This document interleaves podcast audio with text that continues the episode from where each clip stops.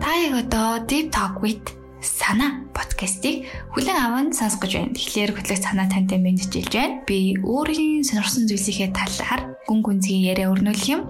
Ямарваа нэгэн зүйлийг хэрэгцүүлэх дуртай нэгэн бол надтай хамт байгаарай.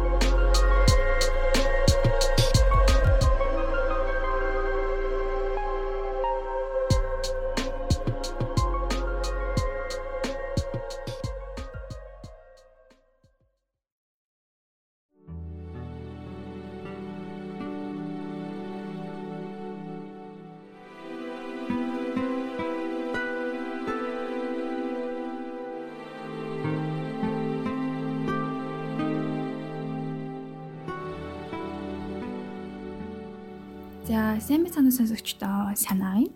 Та бүхэндээ энэ өдрийн өглөөний оройн мэндийг хүргэе.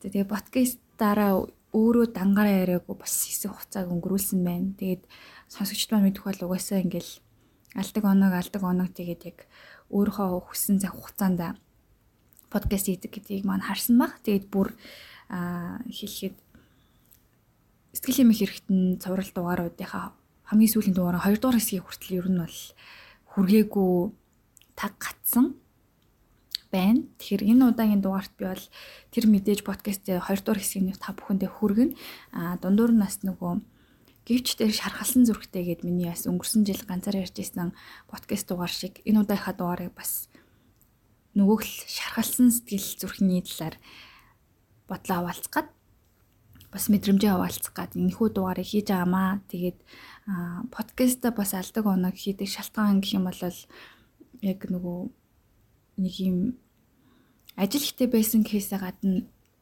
надад ийм хугацаа гэх юм уу өөртөө олгож байгаа тэр нь өөрийнхөө хувьд үн цэнтэй зүйл үнэт зүйл маань юу вэ гэдгийг илүүтэй сайн анхаарах анзаарах магадгүй ингээд хит алхацсан газраас та тий буцаад ухраад 2 3 буцаж ухраад нэрээ би чинь юу лээ миний амьдралд юу чухал лээ гэдгийг ингэж анирдах гэх юм уу тий тийм хугацааг өөртөө өгчихсэн байгаа. Тэг нэг төрлийн бас ингээд хойш суугаа залхуурж байгаа юм шиг боловч энэ нь бол сэтгэл зүйн өрөөлөл мэдэд маань сайн юм шиг надад санагдсан. Гэтэ яг энэ зөвлөгөөг надад хэнийг өгөөгүй зүгээр миний мэдрэмж тэгж таарч байна гэж хэлж болно. За тэгээд а яг тэр нөгөө гихч тэр шархалсан зүрхтэйгээ дугаарыг чинь яасан штеп. Өнгөрсөн жил би балкон дээрээ гадаа ингээд тэнгэр мэнгэр харж агаад ярьж исэн. Тэгээд хүмүүсийн сэтгэл аяга сонирхолтой байсан л да. Аа зарим хүмүүс маань аяга гоё сонсоод уйлсан, их хань болсон гэсэн комент ирсэн. Аа зарим нь йог ихтэй сонсдог гэсэн. Тэгээд ямар ч байсан хүмүүс одоо үн цэнтэй юм байсан их таатай байгаа. Тэгээ миний амьдралын юм бол ойр тойрны сонио хачин юм бол нэг тиймэрхүү байна. Тэгээд байнга ажил солидог миний нөгөө график дизайны мэрэгчлээ болохоор нөгөө байгууллагт ганцаараа дандаа график дизайнер орохоор ажлынхаа ачаалт дарагтаад сэтгэл зүйн хувьд нөгөө нэг амар тренд гэдэг шиг юм хүнд болоод тэгээд ерөнхийдөө ажлаа нэг удаан үргэлжлүүлж чадахгүй ажил их солидог. Тэгээд энэ нөгөө нэг зарим хүмүүст аягүй хариуцлахгүй юм шиг санагдсан шүү. Миний хувьд болохоор ямар ч байсан ажлаа хүлээлгэж өгөөд тэгээд ер нь өөрийнхөө нөхцөл байдлыг хэлээд тэгээд ийм фрилансер байдлаар үржүүлээ дуран бүтээлч маркаар хэсэг бай гэж бодсон. Тэгээд нөгөө байгууллагын соёлд байна гэдэг чинь тодорхой хэмжээгээр нэг юм тоглогчиг байна. Тэгээ нэг дүр үүсгэн тэгээд аа ер нь өөрийнхөө үнэт зүйл яг бүр гүрэн гүйцэд ойлгоогүй бол ямар нэгэн юу гэх юм бэ? Надад тийг санагдсан зүгээр. Яг тэгэхээр би нэг график дизайн яг миний хийх туртай зүйл мөн үү? Туртай ихээсээ илүү одоо тийм өөртөө ч болон өрөөлд үн цэнтэй зүйл үү гэдэг дээр би дахиад бодох хугацаа өөртөө өгч байгаа гэж хэлж болно. За нэг тиймэрхүү сайн сайхан. Гэхдээ дизайн хийх бол дуртай, хийдэг, хийж байгаа. Аа гівч дээр шархалсан зүрхтэй гэдэг сэдвийн хүрээнд хэм бол сэтгэл зүрхний асуудал гэдэг зүйл байна л да. Тэгээд энэ талаар бас илүү их ярьдаг болсон. Тэгээд сэтгэл зүрх мэдрэмж юм уу ингээл хов хүний оршин байх одоо тэр утга учир гэдэг юм чинь тэгэл уран зохиолоор дамжаал ер нь ингээл миний подкастын бүх дугаар дээр шингэсэн гэж хэлж болно. Тэгээд энэ хэрэгцүүлэлийг бас хүмүүстэй хаваалцах маш их дуртай. Тэгээ шархалсан зүрхний хувьд хэм бол яг нэг нүгөө хэлэхэд би бас сүүлийн одоо 2 сар 2 сар гаруй хугацаанд бас нэг юм шархлалтын мэдрэмжтэй бол байгаа.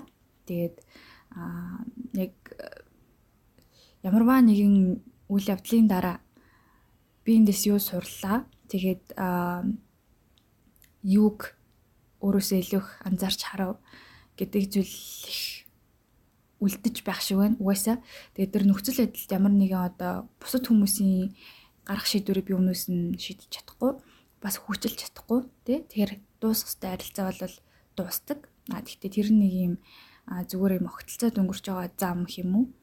А тэр хугацаа байсан үнцэнтэй байсан талархаад тэгээ хамгийн гол нь талархлал яг бид нарыг ингэж зовлон арай бахтай үлдээд юм болов гэж утсан. Тэгээд зовлон гэхээр бас нэг хитрхи ерөнхий санагдчих магадгүй. Тэгээд ямар нэгэн байдлаар ингээд сэтгэл өвтнөж байдаг шүү дээ тий. Тэр зүйл нь бол ингээд угаасаа хүн насан турштай амьдрахад бол нэг юм жаргал зовл ээлж нэгдэг шиг баяр баясгалан яжуугаар нэг юм сэтгэлийн өвдөлт мэдрээл тэгэл амьдралыг туулгам шиг. Тэгээд нэг өнөөдөр болохоор ингэж утсан өнөөдөр яг одоо амьдрах хугацаанд тэг өнөөдрийг хүртэл ботхдоо амьдралаас нөгөө нэг юм хийсвэр гэх юм уу эсвэл зөвхөн нэг зүйл хүлээгээд ч юм уу дандаа сайн сайхан гэдэг зүйлийг хүлээхээсээ илүү ингээд бас юм байгаа шүү, юм бас туулна шүү гэж өөртөө бас бодгол хэрэгтэй юм шиг санагдаж байна одоо л. Тэгээд арай нэг насан турш байгаагийн хувьд хэм бол өөрийнхөө асуудлыг бас илүү үнээр нь таньж мэдэх зөрөгтэй болж байгаа шиг байна. Үүн нь болохоор ингээл юу гэдгийг ямар нэгэн байдлаар хариуцлагыг өөр хүнд дүүрүүлээд гэх юм уу? Одоо чийл намайг зогоож ийн гэдэг ч юм уу ингээд бусад хүмүүсийг те найз нөхөрлийн хувьд гэсэндээ сэтгэл бас өвдөх тохиолдол байдаг шүү дээ. Тэгээд найз нөхдийн хувьд гэсэн юу гэдгийг тэр нь болохгүй байсан болоод намайг зогоож байгаа ч юм шиг өмнө дандаа боддог гэсэн. Одоо ингээд бодонгууд хортой харилцаа байлаа гэж бодъё л доо тий. Ингээд найз нөхөрлөл нь юу гэдгийг хамт байхаараа дандаа шүүмжлээл эсвэл доош нэгээд ч юм уу. Ерөөсөө цаг хугацаа өнгөрүүлээд салахад айгүйх тийм сэтгэлээр унмаар санагддаг ч юм уу тий. Тухайд ингээд толгой дотроо энэ чи миний найз тий удаа найзалсан болохоор гэдэг юм уу юм бодлууд байдаг хэрнээ салаад авахд мэдрэмж нь айгүй тийм хэцүү ч юм уу хангалтгүй санагддаг тохиолдол байна штэ. Тэгэнгүүт тэр нь заавал тэр хүний бурууч биш. Бас өөрийгөө мэдгүй өөрийгөө бүх мэдрэмжийг хүлээн зөвшөөрч чадаагүй тохиолдолд тэр нь бүр хэцүү санагддаг юм шиг байна. Тэгээ би одоо юу Карл Рожерс гэдэг одоо сэтгэл зүйн салбар шинжилгээ ухаандаа бол нэлийн алтартай хүний бараг 80 хэрэглүүдийн нэг гэж тооцогддог хүний номыг уншиж байгаа. Тэр нь болохоор сэтгэл засалчийн тэмдэглэлээ гэнэртэй. Тэгээд энэ хүн болохоор юу байсан юм бэ? 30 хэдэн жил сэтгэл засалчаар ажиллаад ер нь хүний сэтгэл ямар процессд явдیں۔ тийм ямар үйл явцд явдیں۔ а яхаараа идгээд байгаа яхаараа өөрчлөөд өөрчлөгдөд хүн өөр асуудлыг үнэн боддоор харах боломжтой болоод байгаа гэдэг тэр үр дүнд сэтгэл засалч яаж оролцож байна гэдэг талаар өөрийнхөө туршлагыг бичсэн юм хүн байдаг. Тэгээ энэ номыг болохоор гол нь нөгөө надаа psychology publishing-ийн үүсгэн байгуулагч одоо хүмүүлийн багш их төшиг билгээсэн. Тэгээд нөгөө өмнө нас дугаарууд ингээд орчуулсан намын өөрөө сонирхлоор хийж исэн болохоор баярлалаа гэд билгээсэн. Тэгээд надад их сонирхолтой байсан л та нөгөө сэтгэл зүйн зөвлөгөө өнгөрсөн жилийн хугацаанд авч үзсэн тийм туршлага жижигхэн бүрдүүлсэн. Тэгээд сэтгэл засалж гэдэг мэрэгчлээ хүнтэй а өөрийнхөө тэр нөгөө тэр болгон хилээд байдаггүй зүйлсийг ярилцсан гэдэг бас тэр момент тэр харилцааны уур амьсгал гэдэг надад их сонирхолтой санагдсан. Тэгээд би эхний удаа нэг юм 7 8 удаа сэтгэл зүйчтэй уулзаад тэгээд ерөөсөө нэг л юм өөр ингэж үжиглээд байгаа юм шиг үрд санагдаад байхгүй хүчлээд харцж байгаа юм шиг. Тэгсэн чинь гол нь болохоор би зүйчийг хувийн амьдралын хувьд таньдаг байсан гэх юм уу? Аа манай одоо найзын тэй холбоотой тий нэг юм түүхтэй хүн байсан сторитой. Тэгээ би тэрийг ингээд мэдж байгаа хэрнээ сэтгэл засалч гэдэг нүдээр өөр өөр хараад тэр тухайн моментоо бас нэг юм тааруулж харцаад байсан гэдгээ дараа нь ойлгосон. Тэгээд бас нэг юм хангалттай үр дүнд хүрэхгүй байгаа юм шиг санагдчихсэн юм байна л л те. Тэгээд би юунгийн намайг бас сонирхож уншиж чаад бэлэгдэлт амьдрал гээд нэг ном байдаг. Тэн дээр бол яг нөө тэр нэг юм далд хумсрын харилцаа гэдэг бол их чухал юм байна л да. Тухайн одоо сэтгэл засалчтай ямар нэгэн тийм өөр холбоо байхгүй те шохорхож мохорохгүй эсвэл өөр нэг тгүүх байхгүйгээр танихгүй байх нь айгүй чухал байдаг.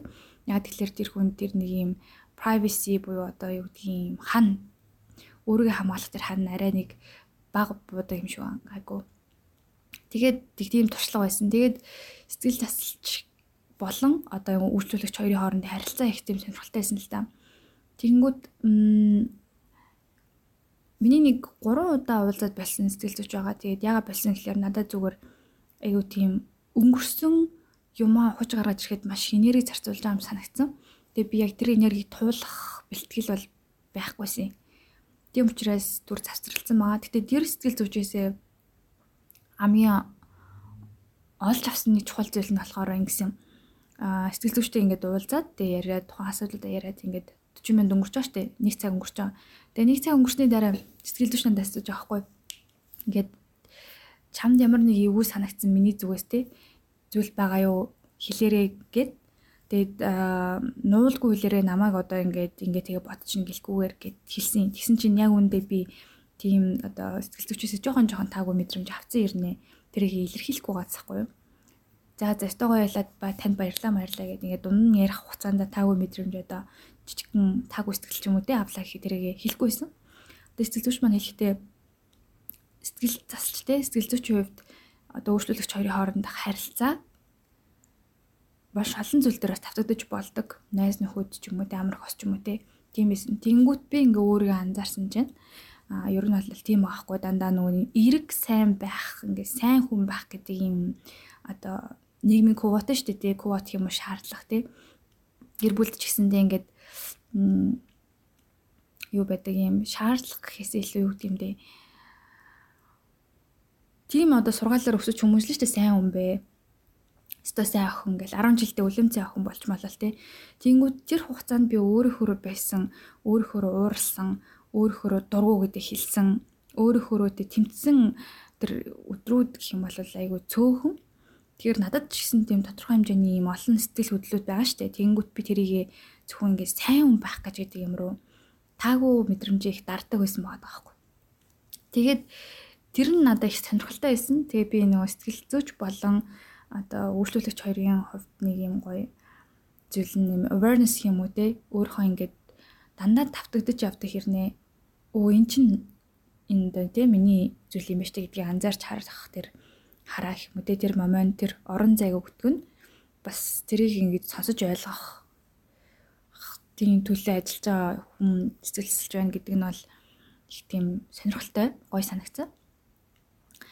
Тэгээд энэ Карл Рожертэй ч гэсэн бас тэгж л дээ. Ер нь энэ хүмүүсийн хоорондох одоо зөвхөн сэтгэл засалч үйлчлүүлэгч хоёрын хооронд харилцаа бол зөвхөн ингээд сэтгэл засалчийн үүднээс ч юм уу те үйлчлүүлэгчийн үүднээс биш ерөөхдөө хүний харилцаа буюу хүний сэтгэлийн харилцаа яг юу хүсдэг юм бэ гэдэг зүйл хэлсэн.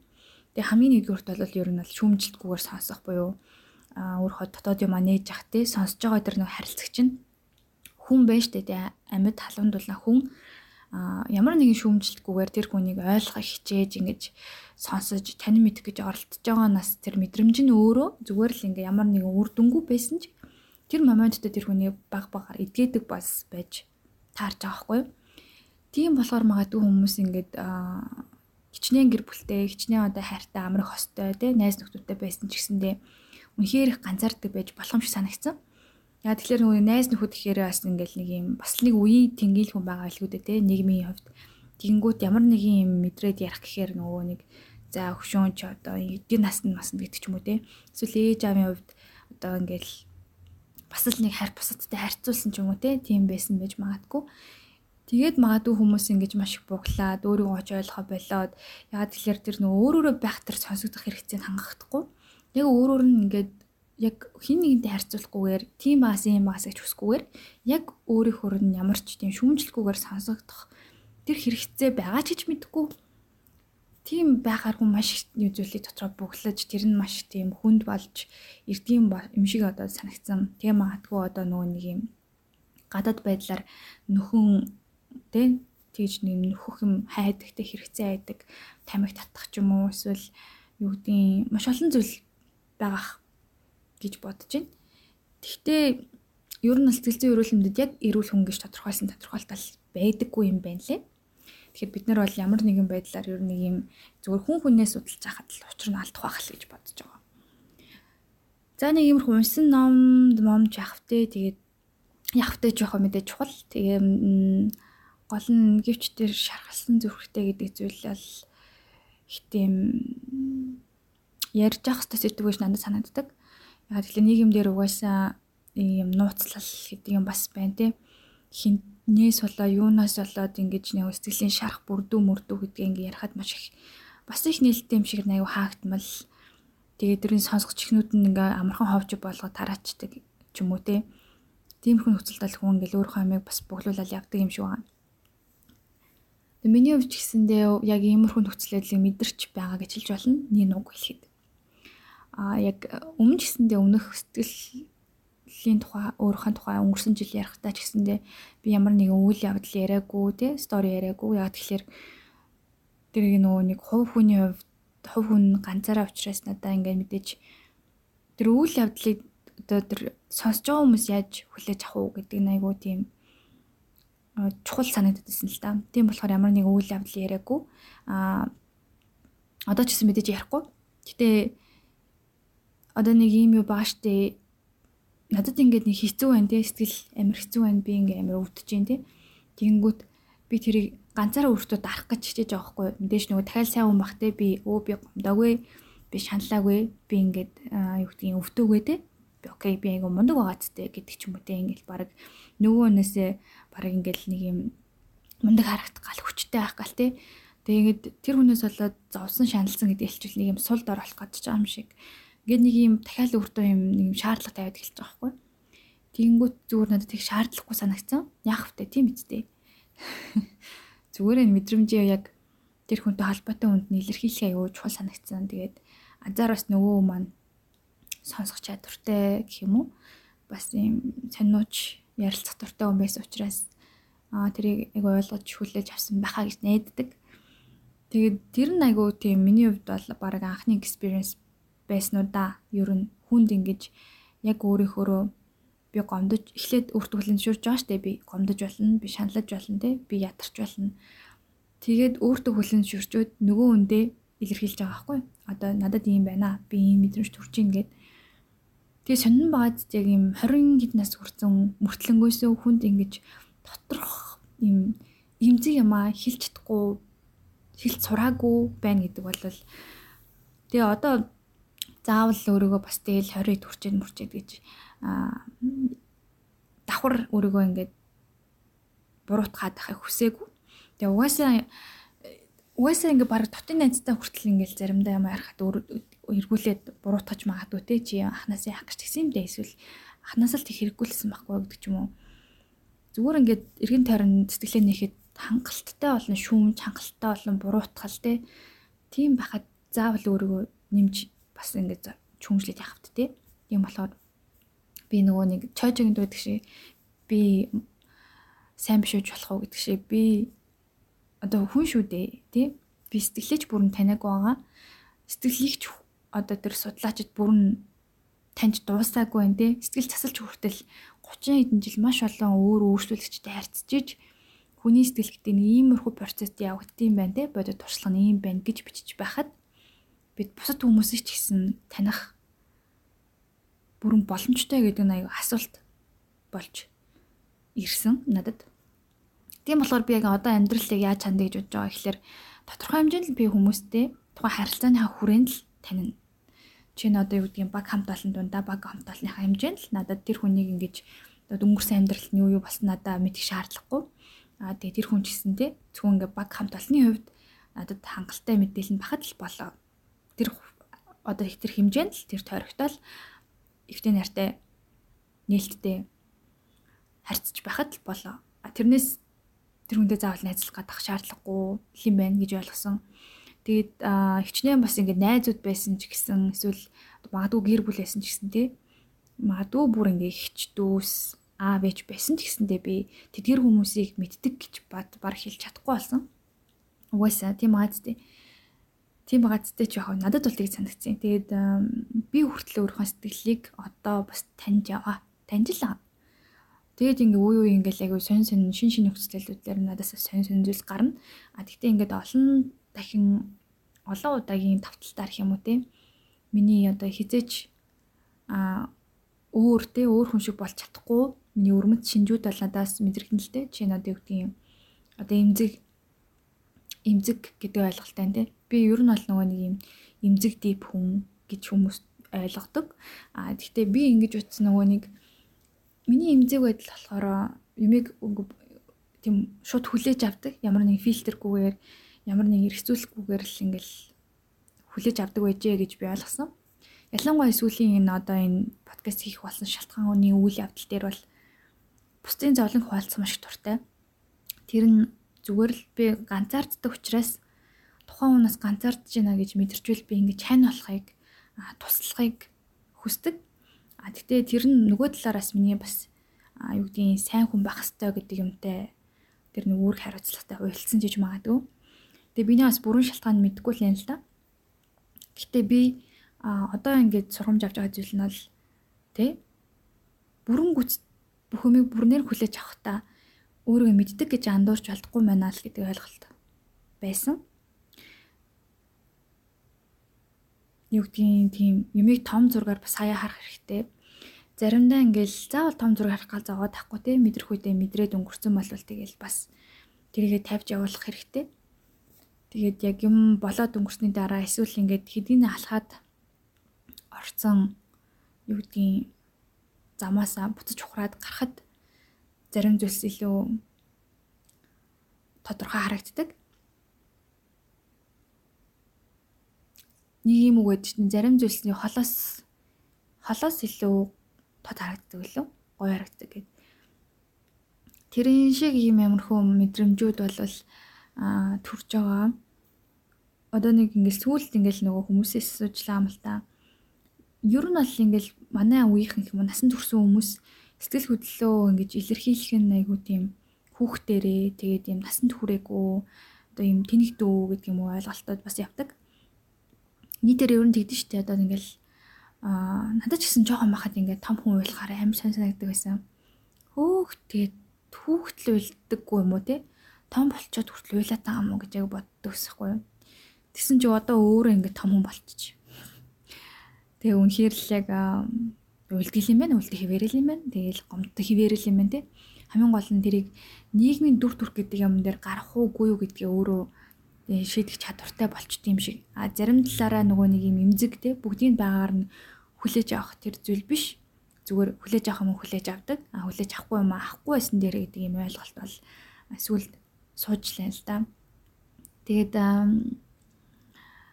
нэг настай зохиолч хэлсэн нөгөө нэг юм Монгол навуучлаар нэрийг мартцсан. Тэгээд оюутнуудад лекц орж байгаад нэг нь асуужилтын 20 гаруй настай залуу та ингээд бидний насан дээр буцаж эргэж чул очихгүй галт хэрэг байдаг бол те буцаад 20 настай болох гэсэн чинь нөгөө зохиолч маань үгүй ээ юу гэж та нарын одоо насан дээр очиж лайлэн те барыг.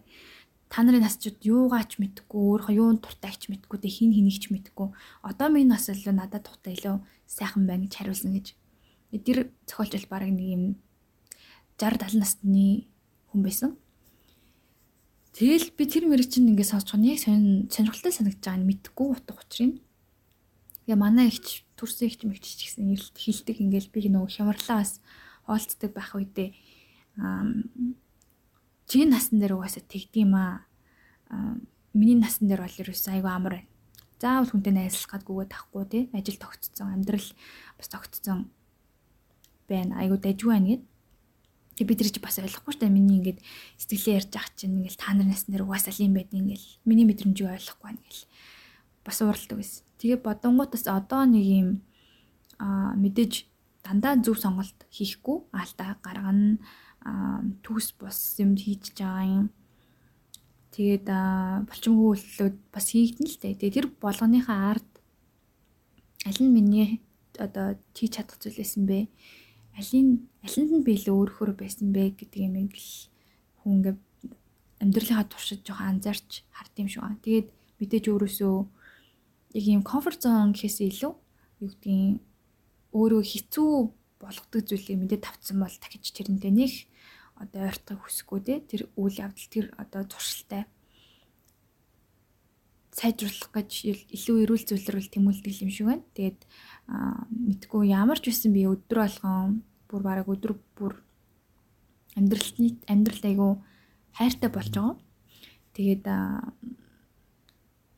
хайртай болохтой амьдралаас яг юуг нь хайрлахаа би өөртөө хэлсэн бэ гэхээр шийдсэн бэ гэхээр би одоо хизэж өөрчлөгдсөн ч байх зүйлийг илүү хайрлахыг хүсдэг болсон. Тэр нь байгаль дэлхий цагаагаар гадах өнгө гэх юм уу цас бороо тийм зүйлсийг илүү ихтэй одоо хайрладаг болсон гэх юм уу миний одоо тэгээ дээрэс нь өөрийгөө танин мэдэх аялал маань ч гэсэндээ маш амттайгаар үргэлжилж чинь гэж би одоо хардаг. Тэг мэдээж маш олон хүмүүс байгаа амьдрал дээр те. Тэгээд угаасаа бусад хүмүүсийг мэддэг гэж бодоод их хүлээл тавьчихаараа л өөрөө дараа нь бодис байдал өөрчлөгдөнгүүд бодит төр тийм болохгүй. Тэгээ угаасаа хүний амьдрал бол өөрчлөгддөг, хүн ч гэсэн өөрчлөгддөг тий. Тийм учраас энэ төр өөрчлөлтөнд бас бэлэн байх хэрэгтэй юм байна гэдэг ойлголт төрж байгаа. Тэгэд ер нь нөгөө нэг юм юу ийсэн өөртөө дотроо юу болж байгаа вэ гэдэг дээр яг үнэн чударгаар хандаад уйлмаар ойл уйлаад хэцүү байвал орилмоор орил орилоо тий ярмаар байл яриад ингээд яг өөртөө ингээд чөлөө олгоцсон чинь өөртөө их чөлөө олгосон гэдэг чинь нөгөө талаараас гадны нөхцөл байдалд муу илүүлэхээс айхгүй байгаа буюу ад үзэгдэх зориг гэдэг шиг. Би өөртөө юу болж байгаа ингээд мэдмээр байгаа юм чинь. Заавал бусад хүмүүсийн юм юм магтаал сайшаал тэг чухал биш юм байна гэсэн ойлголттой төр болсон байгаа. Мэдээж бусад хүмүүс чанартай амигээд харуулах, үнэлэгдэх магтуулах бол мэдээж одоо чухал зүйл сайжирж ийн гэсэн чухал зүйл ах. Тэгээ бас би шүүмж бас мэдээж авч сурж байгаа баг багаар. Гэхдээ одоо болохоор миний нөгөө нэг амьдралд ингэж үн цэнтэй байсан зүйл нь надтай холбоотой хийс илүү гадаад нөхцөл байдал миний яаж харагдах. Эсвэл тэр хүмүүс таалагдж байгаа миний одоо өөрөө зохиомл дүүрэх юм уу те. Амын дагуулад худлаа хэлчих ч юм уу те. Иймэрхүү зүйлсийг би өөртөө дахиж хүсэхгүй байгаа учраас баг багаар өөртөө өөрчлөлтөндөө их тийм сэргийг хандчихлаа л да. Тэгэл одоо юу гэдгийг нэг юм амьдралын тэгэлдээ шаргалсан зүрхтэй болсон ч гэсэндээ хичнээн өвдсөн ч гэсэндээ мэдээж тэндээс авах зүйл байгаа, сурсан зүйл байгаа. Тэгээд өмнөх дугаарын нөгөө нэг өвчтөр шаргалсан зүрхтэй дугаар дээр ч гэсэндээ ер нь нэг санаа бол энэ тавтагдчихэв чинь би яг юу ярьснаа санчлаа. Баргийн юм өөрийнхөө шархлуулж чадахгүй угаасаа тэнд нөгөө сэтгэл байгаа учраас хайр байсан учраас тий имзэг нандин байсан учраас л хүн илүү өвддөг, илүү шаналдаг гэж хэлж болно. Тэгээд мэдээж ингээл өөрт чинь чухал биш байсан зүйл таныг ингэж их өвтгөж чадахгүй штэ. Тийм болохоор тэр сэтгэлээ тусдаа ингээд зүгээр ингээд байна гэж үзье л та. Тэнгүү тэр хүн тэр хүн гэх юм уу те тэр нэг сэтгэлээ штэ тэ өөрийнхөө сэтгэл хайрлсан байна. Тэр хайрлах гэж хичээж исэн. Төгс бус гэдгээ мэдрээ төгс байх гэж хичээсэн. Тэр нэг хичээл зүтгэл тэр цаг хугацааг ч гэсэндээ үүсэх гэж яарахаасаа өмнө бас талархах зүйл байна уу? Тэгээд өөрийн чинь амьдралд илүү гоё амтыг өгч чадсан уу? гэдэг зүйлийг бас бодоод үзэхэд илүүтэхгүй юм шиг санагцсан. Тэгээд мэдээж маш олон сэтгэл хөдлөл мэдрэгдэн тэр болгоныг заавал нэг юм дотроо дүр гэх юм уу нэг юм шаардлага бодцоод дараадах шаардлагагүй хаа гэж бодож байна. Тэгээ ман миний үеийнхэн энэ одоо юм шархалсан зүрхтэй буюу салтын дараа ямар нэгэн сэтгэлийн одоо нэг юм дурлал бүтлгүүцсний дараа ч юм уу тэр зүйлээ яг яаж даван туулж ийн вэ гэхээр би бол яг хоо зүгээр найс нөхөдтэй бол ярина. Гэхдээ ярихгүй, ярьж болохгүй найс нөхөдтэй бол ярихгүй. Тийм юмнууд бол байна. Тэгээд дэвтэр бол их сайхан арга юм байна гэж утсан. Тэгээд нь medium блог дээр бичдэг байсан ч гэсэн одоо нөгөө л нэг сэдвээ нөгөө л нэг юм бичээд байгаа юм шиг тэгж хүмүүс уншиндаа гэж бодох үедээ гэж бодоод бичихгүй байгаа. Харин дэвтэр гаргасан. Дэвтэр дээрээ ер нь хин ч уншихгүй болохоор миний одоо мэдрэмж учраас талрахмаар байвал талрахаад гомцсон бол гомцноо бичээд одоо тэгээд өөртөө хамтаж хэлэх хүнүүдээ илүүтэй бичиж байгаа. Тэгээд бас нөгөө өөрт маань ямар өөрчлөлт явагдаж гин гэдгийг бас дараа нь анализ хийх хэрэгтэй боллоо гэж бодоод дэвтэр дэвтрийг илүүтэй сонгосон. Тэгээ мэдээж дэвтрээс гадна бас мэдээж хүний харилцааг бол бас үнэлэх хэрэгтэй. Тэгээ найз нөхдөд хуваалцах та бол нэг онгойж байгаа. Тэгээд ганцаараа биш гэдгийг мэдрэх нь аягүй чухал байдаг. Тэгэл найз нөхдийн хувьд ингээл шүүмжил сонсохоос илүү намайг ингээд шоолж доглохоос илүүтэй найз нь ийм мэдэрч ийсэн тий би одоо ч хүртэл тэрнээс тийм мэдрэмж авдаг штэ гэдэг ч юм уу ийм ижилхэн комент хэлэх нь надад бол айгүй их тийм сэтгэлд айгүй тийм уйг байдаг. Тэгээ хүн ганцаараа биш шүү л гэдэг мэдрэмж юм шүү. Заавал миний найз одоо намайг зовж чанаж хахад адилхан зов албагүй ч гэсэн тэр зовлонгийн мэдрэмж гэдэг ч юм уу ингээл бас хит алхал бас өөр хүнд мэдрэгцэн байгаа даахгүй. Тэгэхээр тийм байна. Тэгээд хүмүүс бол ерөөдөө бол яг хэлсэн шиг насан турш хүмүүс бол ялангуяа тэр мэдрэмжийг мэдэрч л. Тэгээ зүгээр л гарах уугүй юу, ил гарах уугүй юу гэдгээ нэм шатар нүж байгаа юм шигээр л дараагийн алхам нь юу вэ гэдгээ байнга боддог. Тэгээд ер нь бол миний хувьд одоо сэтгэлээ эдгэж байгаа тэр зүйлх юм бол би өнгөрсөн одоо ирээдүг айгүй сайн салах гэж хичээж байгаа юм уу? Заримдаа мэдээж дурсамж орж ирнэ. А тэгэл ингээл хит автаал аяг гуниглах үедээ би гэтээ энэ болоод өнгөрсөн шүү дээ тий өнгөрсөн дэх би одоо би өөрчлөгдсөн байна өөрчлөгдсөн байгаа өөрчлөгдөж байна тийм болохоор энэ бол бодит биш яг одоо цагийн нөхцөлөл биш гэж айгүй их тийм үе үе жоохон харуулнаа өртөө. За нэг тиймэрхүү байна. Тэгээд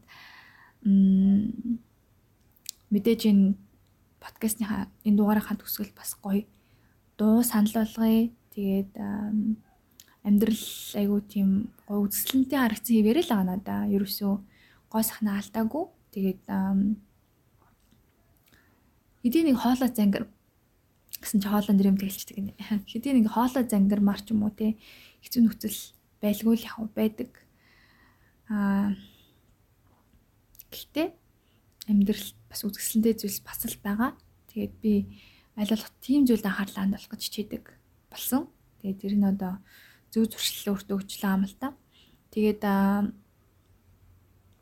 мэдээж өнгөрсөн дэх бүхий л зүйл маань мэдээж өөргөө хайрлах гэдэг зүйлтэй аягүй чухал юм байна гэж бодож байгаа нөгөө өмнөх дугаар дээр бас байгаа да сэтгцэн эмч мандхаа гэд эмчтэй ярилцахад өөрийгөө хайрлах тухайд бол өөрийгөө хайрлах гэдэг нь өөрийгөө ойлгоно гэсэн үг гэж хэлж ирсэн. Тэгээ тэр ч гэсэндээ одоо миний баг тэр үг нь одоо өдөр тутмын маань айгүйх уусан шингэж орж авах шиг байна. Тэгээ өөрийгөө ойлгоно гэдэг чинь өөрийгөө үнээр хайрлаж байгаа юм байна. Тэгээ би ямар хүнтэй хамт байхаараа ч юм уу те ямар орчинд байхаараа өөрийгөө халтдаг вэ? Эсвэл харилцаандаа ингээд өөрөө ямар оролцоотой байхаараа өөрийгөө ингээд гээждэг вэ гэдэг юм а ойлгоод эхлэнгүүт л дахиж тийм хийхгүй те. Тэгэхээр өөрийгөө хавс хайрлаж байгаа болчихж байгаа байхгүй. Тэгээ жишээ нь бас муу туршилт байж болно шүү дээ. Жишээ нь одоо би тамхи 4 жил татсан байна. Нэг мэдсэн чинь. Тэгээ тэр нь болохоор анх бол яг нүсгэл санаа тайвшруулдаг гэж сонсоод тэгээд дээрэс нь нөгөө нэг юм ажлын орчноос түр гадаа гарахны шалтгаан шалтгаан тэгээд ажлын орчинд хүмүүстэй арай өөр харилцааны арай өөр юм ярих гэдэг юм хэрэгсэлт гэх юм уу тийм болцсон. Тэгээ дээрэс нь бас би нөгөө юм сайн хүн байх гэдэг юм сайн хүн байх хэвээр сайн охин байх хэвээр гэдэг юм нас ингээ ямар тэрслүү баймар санагдаад бас ингээ янз бүрийн сэн сэн жижиг жижиг шалтгаанаар тамиг хаах татаад тэгээ бас тэлцэн аягүй тийм нэг юм юм байсан юм аа. Нэг юм асуудлаасаа болоод тэгээд тамхинд орж исэн. Тэгээд тэр нь яваа яваандаа юу зуршил болоод тэгээд сүүлд анзаарангууд би тамхиттай тайвширж байгаа юм байхгүй. Зүгээр нэг харилцааны хэрэгсэл болчихсон. А дээрэс нь тамхитцны дараа нөгөө нэг юм амнаас эвгүй өнөр нэртэх. Тэгээд дээрэс нь ерөн л айгу олон хор нүлэн мэдрэгдэжсэн учраас баг гарж ийн.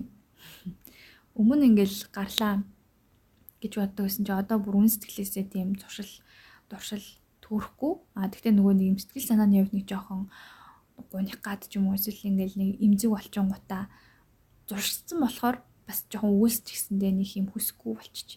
Тэгэхээр цаанаасаа гарч байгаа ах гэж найдаж байгаа. Тэгээд яг хөө дээ уус амьдрал тийм байна штэ гэдэг юм хөлийн шүрчж байгаа болохоор ямар нэгэн зуршлаар өөрийгөө тайтгаруулах гад тэрнээсээ цухтахаа ер нь баг багаар болж байна хэлж болно. Тэр энэ бол өөртөө өгч байгаа сте миний өөртөө өгч хайр юм болов уу гэж бодож байна. Тэгээ хайр гэдэг чинь нөгөө нэг Достоевский тий агуу утга уран зохиолч. Достоевский хэлдэг шиг хүний гим нүгэлтэд хайрлал гэдэг шиг өөрийгөө ч гэсэндээ төгс бус имзэг сул дорой тэр чигээр нь бол хүлэн зөвшөөрч ойлгож байгаа чи ингэж болно тий. Тийм л байна. Тэгээд энэ яриа маань сонсогчтой бас ханиулж чадчихвэл миний бас нөгөө л нэг подкаст хийдэг, блог бичдэг юм бас нэг юм хүсэл биелнэ. Аа тэгтээ дээрэс нь би яг заримдаа ч гэсэн өөртөө тий подкаст хиймээргүй байна штэ. Тэр их заавал 7 хоногт 1 2 7 хоногт 1 гэхгүйгээр ингээл хийж ярьсан байна. Тэгээд одоо мэдээж подкастаа сайжруулах хүсэж байна. А өмнө ингээл бас нэг хитрхи туушраал энд ямар ч мөнгө гаднаас мөнгө авах хэрэггүй гэдэг ч юм уу ухааны бодоол Тэгдэгсэн бол одоо бол яг юм эдийн засгтаа уялдуулж юм спонсоршип олох бодолтой байна. Тэгэхээр сонсогчд маань тэрийг бас ойлгох байхаа гэж найдаж байна. Тэгээд ерөн сайжруулах хүсэж байгаа. Тэгээд техник технологийн 90 цаг үеийг ашиглаж сэтгэлээ уудлаж танихгүй нэгэнд би өөрөө ч гэсэн уулзж үзээгүй байж тээ ингэж сэтгэлийн сэтгэлийн талаар зүйлээ ярьж ийн гэдэг бол маш гоё зүйл юм байна гэж бодлоо. Тэгээд яг өөрийгөө хайрлаж байгаа хайрын хувьд би яг зуршилтай нээлттэй хандж сурч байна дөө. Тэгээд одоо нойрны асуудал байна уу байна. Орондоо ингээ ороод яг зуршил тогтоохгүй чичиж ааш тэнгүүд тарчлаад нөгөө сэтгэл зүйн асуудал маань сэтгэл зүйн асуудал гэдэг нь хүн болгонд асуудал тулгарч байгаа шүү дээ. Тэгээд тулгамдж байгаа. Тэрийг шийдвэрлэх боломжтой.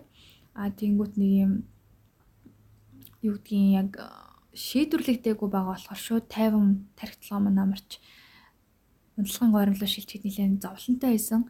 Тэгээ би маань унтсан юм шиг хэрнээ ингээл сэрвэлзээл жоохон хэцүү байцсахгүй. Тэгээд би бараг хүлэн шүрцэн. Яг тэгэхээр фрилансер л юм чинь те. Би орой 2 3 цаг хүртэл аль болох гэхдээ үр дүнтэйгээр ингээд 2 3 цаг хүртэл явахтай сэрүүлээ. Тэгэл өглөө хийцэр чинь тэр үрээс ирээ. Хамгийн гол нь бүтэн орой аваад тэгээд ингээд баг багаар одоо туршлаа засах гэж хичээ гэж бодож байгаа. Жишээ нь ингээл заавал тэтэн цагт босох хэрэгтэй гэлгүйгээр өглөөний уур амьсгалаас кайф авдаг ч юм уу те. Жишээ нь манай өрөө одоо нарлуу хараагүй цонхтой гэхдээ өглөө эрт нөгөө нарны тусгал өнгөрөөд өдөр нь ингээд жоос өдөр талтай болчдөг бол би өглөө тэр имийг гой кайф мэдэрчвэл миний тарих гэсэн тэрийг ингээ хүсээд тэгээд аль болох нэг юм эрүүл одоо байгаллаг гэдэг зүйлээс таашаал авах гэж таашаал авч сурж байгаа. Тэгээ энэ маань гэсэндээ яваа яваанда туршил болох хаа гэж найдаж байна. Тэгээ мэдгүй аягүй тийм яа ч юм нас яваад ирэхээр өөрийнхөөрөө зөв хөгжмөр санагдсан юм байна. Өөрөөсөө хол биш. Тэгээ нэг тиймэрхүү л андаа. Тэгээд шархалгын хувьд бол их л ихч байхтай их баг гэсэн юм ерөөсөй байхгүй. Тэг найз нөхөддөө заримдаа ярахаар ингэдэг байхгүй. За уучлаарай минь найзуудаа тий сонсч ивэл бас ойлгох бах чи наа чи юу ч шээ би яасан гэж бодож ийн гэдэг тэгэхээр тэр ингээд тэр өгүүлбэрийн хооронд нэг юм харилцааны нөгөө нэг юм жоохон ингээд хүн төрчдөг байхгүй юу зүгээр надад аль алинд маань нэг юм шүмжилтгүй сонсогдох хэрэгцээ байгаа те. Тэрийг зүгээр л аа гэл хэцүү байгаа гэж ойлгож байна гэл тэр хүн таны өмнө сул дорой эмзэг юм гаргаж харуулж байгаа бол заавал тэр хүний шүүмжлэх харахгүй Тэнгүүт маа найзад бас тийм сонсогдох хэрэгцээ байсан байж магадгүй болж таарч байгаа хгүй те. Чи чиний хажууд наа чин миний юм айгүй илүү зовлонтой хаацтай гэдэг ч юм уу тийм. Эсвэл бид нэр өөрийнхөө зовлон ингээ хүний хажууд харьцуулаад бүр ингээ далд хомсорлогоо шийдээд идэг.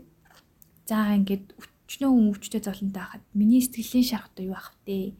би ингэж одоо минийх ч байх вэ за завгүй маяг те 100 цэцэнгэлтэй хүчлээ гэл нөгөө нэг юм өөрийнхөө ингэж угаасаа л туулаад явах процессыг өөр юмар дараад идэг юм шиг.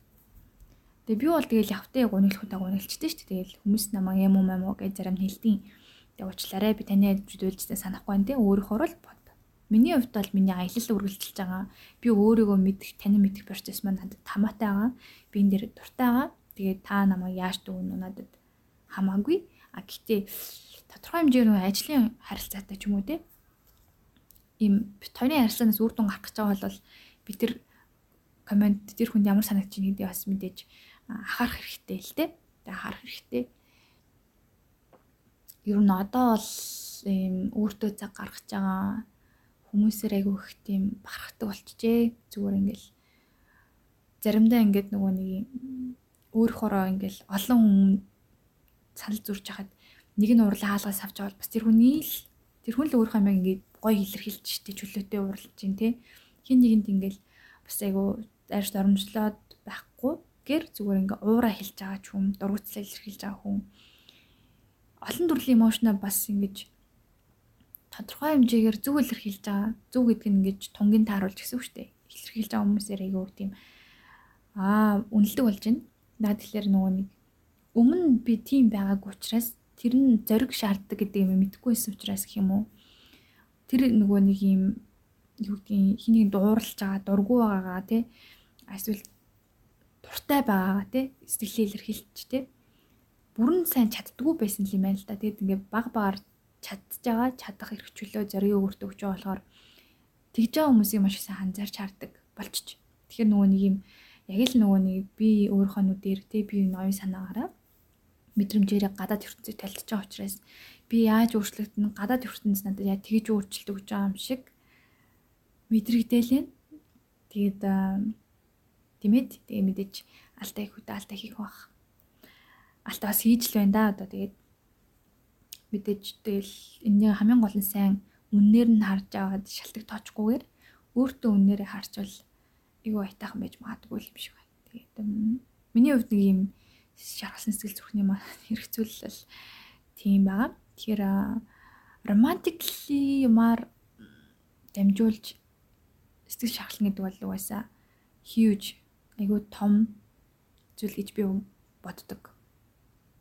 Мэдээж одоо багнасны драма, эсвэл гэр бүлийн эцгийн харилцаа бол миний одоо сэтгэлийн шархал бас бас хэцүү харьцуулагдчихгүй. А тэгтээ нөгөө нэг юм хувь хүн насанд хүрээд хин нэгэнд хайр сэтгэлийн холбоотой болоод тэр чинь одоо бие сэтгэлээрээ л асар их нээлт тэ өөртөө зориг гаргаж тэгээ бас ингээл хэр баргийн хүнд одоо харилцаанд тавтагддггүй тэр нэг юм пашн тэ одоо нэг юм бэлгийн ч юм уу тэ тийм ингээл зориг өөрөөр байх.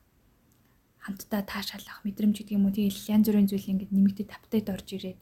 Тэр бүх олон мэдрэмж яжиж ажиллаж байснийхаа дараа байхгүй юм шигээр байгаагүй юм шигээр гинт байхгүй болох гэх юм уу те? Өөрөлдвөрийн салтын талаар ярьжлаа л. Яаж үсэн энэ болов уусаа дараа нь айгүй хэцүү мэдрэмж төрүүлж гэж магадгүй тэгээд тэгдэл юм байна. Төрүүлдэг юм байна тэгээд нөгөө нэг бичдэг шигээ ярьдаг шигээ л өөртөө хандах хичээж заримдаа зүгээр амар хүчтэй хүн байх хүчтэй хүн шиг харагдах хүсэл байна л да. Өө тэгэл болдол зү штэ. Тэгэл салаал эзтэй гэдэг ч юм уу.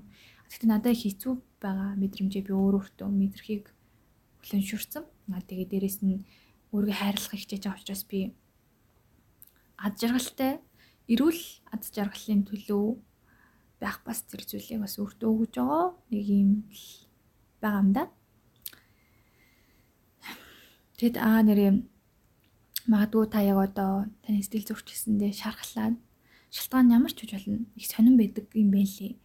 Заримдаа ингээд зөвхөн нэг хүнээс болоогүй байдаг. Өөрөө чинь одоо амьдралд өгж байгаа үнэлэмж юм уу, өөр өөртөө өгж байгаа үнэлэмж гэдэг юм уу, эсвэл үнэхэр бүр бага насны траума ч юм уу тий. Маш олон зүйлээс энэ харилцааны юм гинт гинт давхцаад ингээд гинт гарч ирэх тохиолдлууд байна.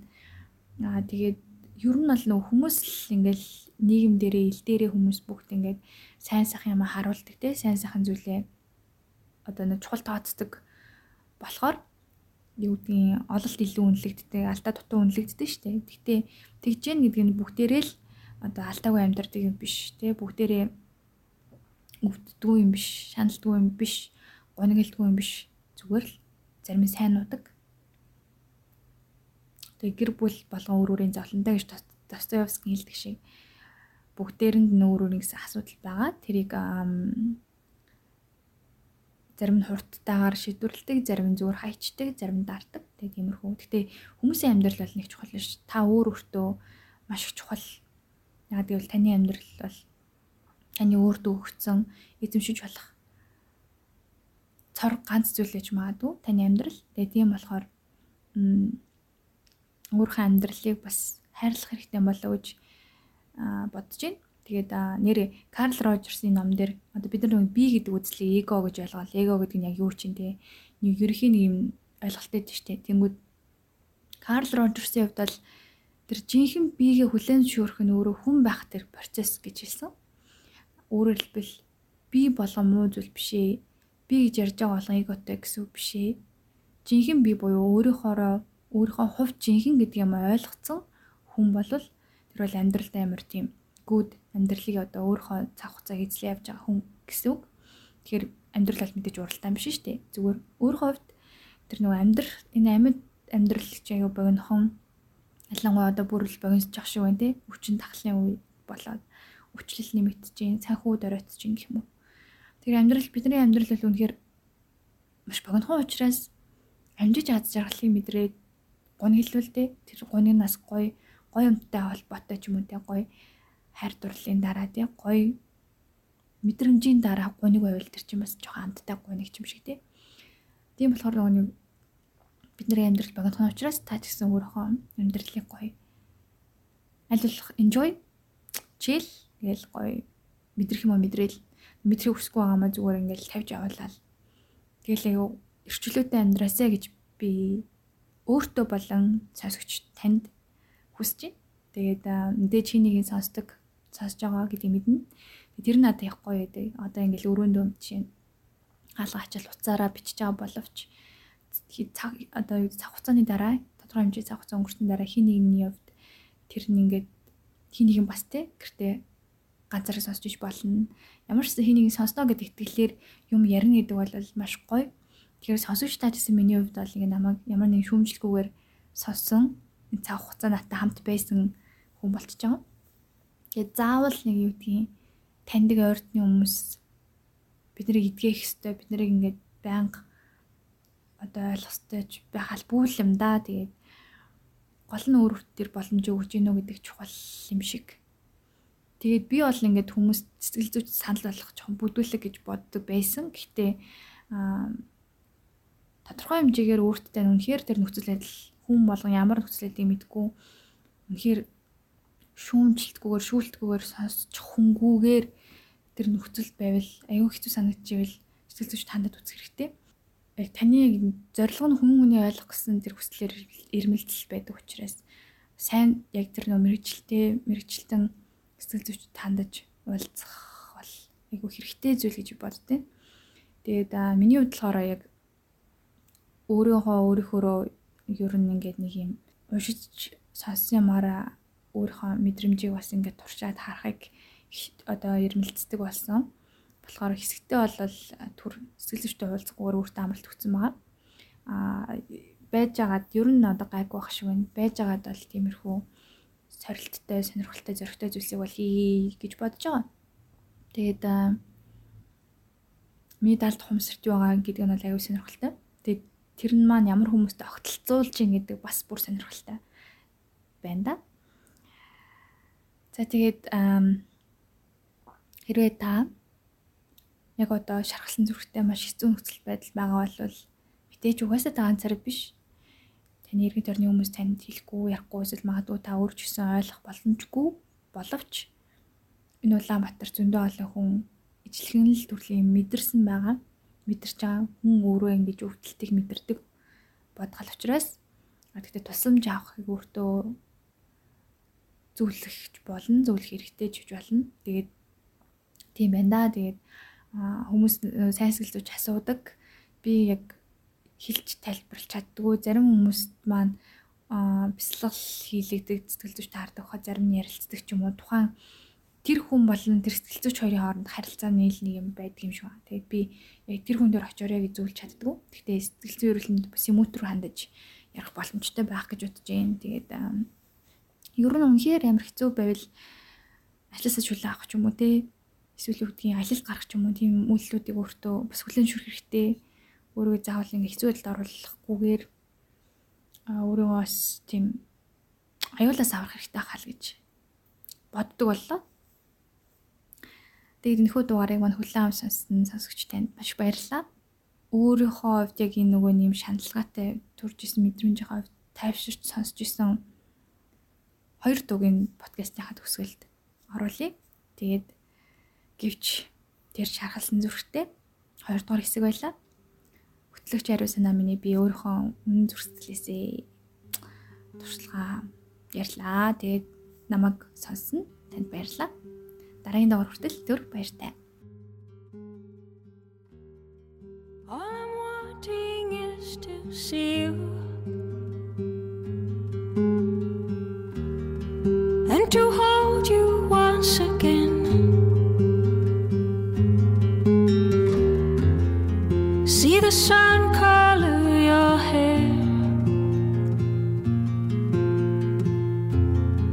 See the tall grass blowing in the wind.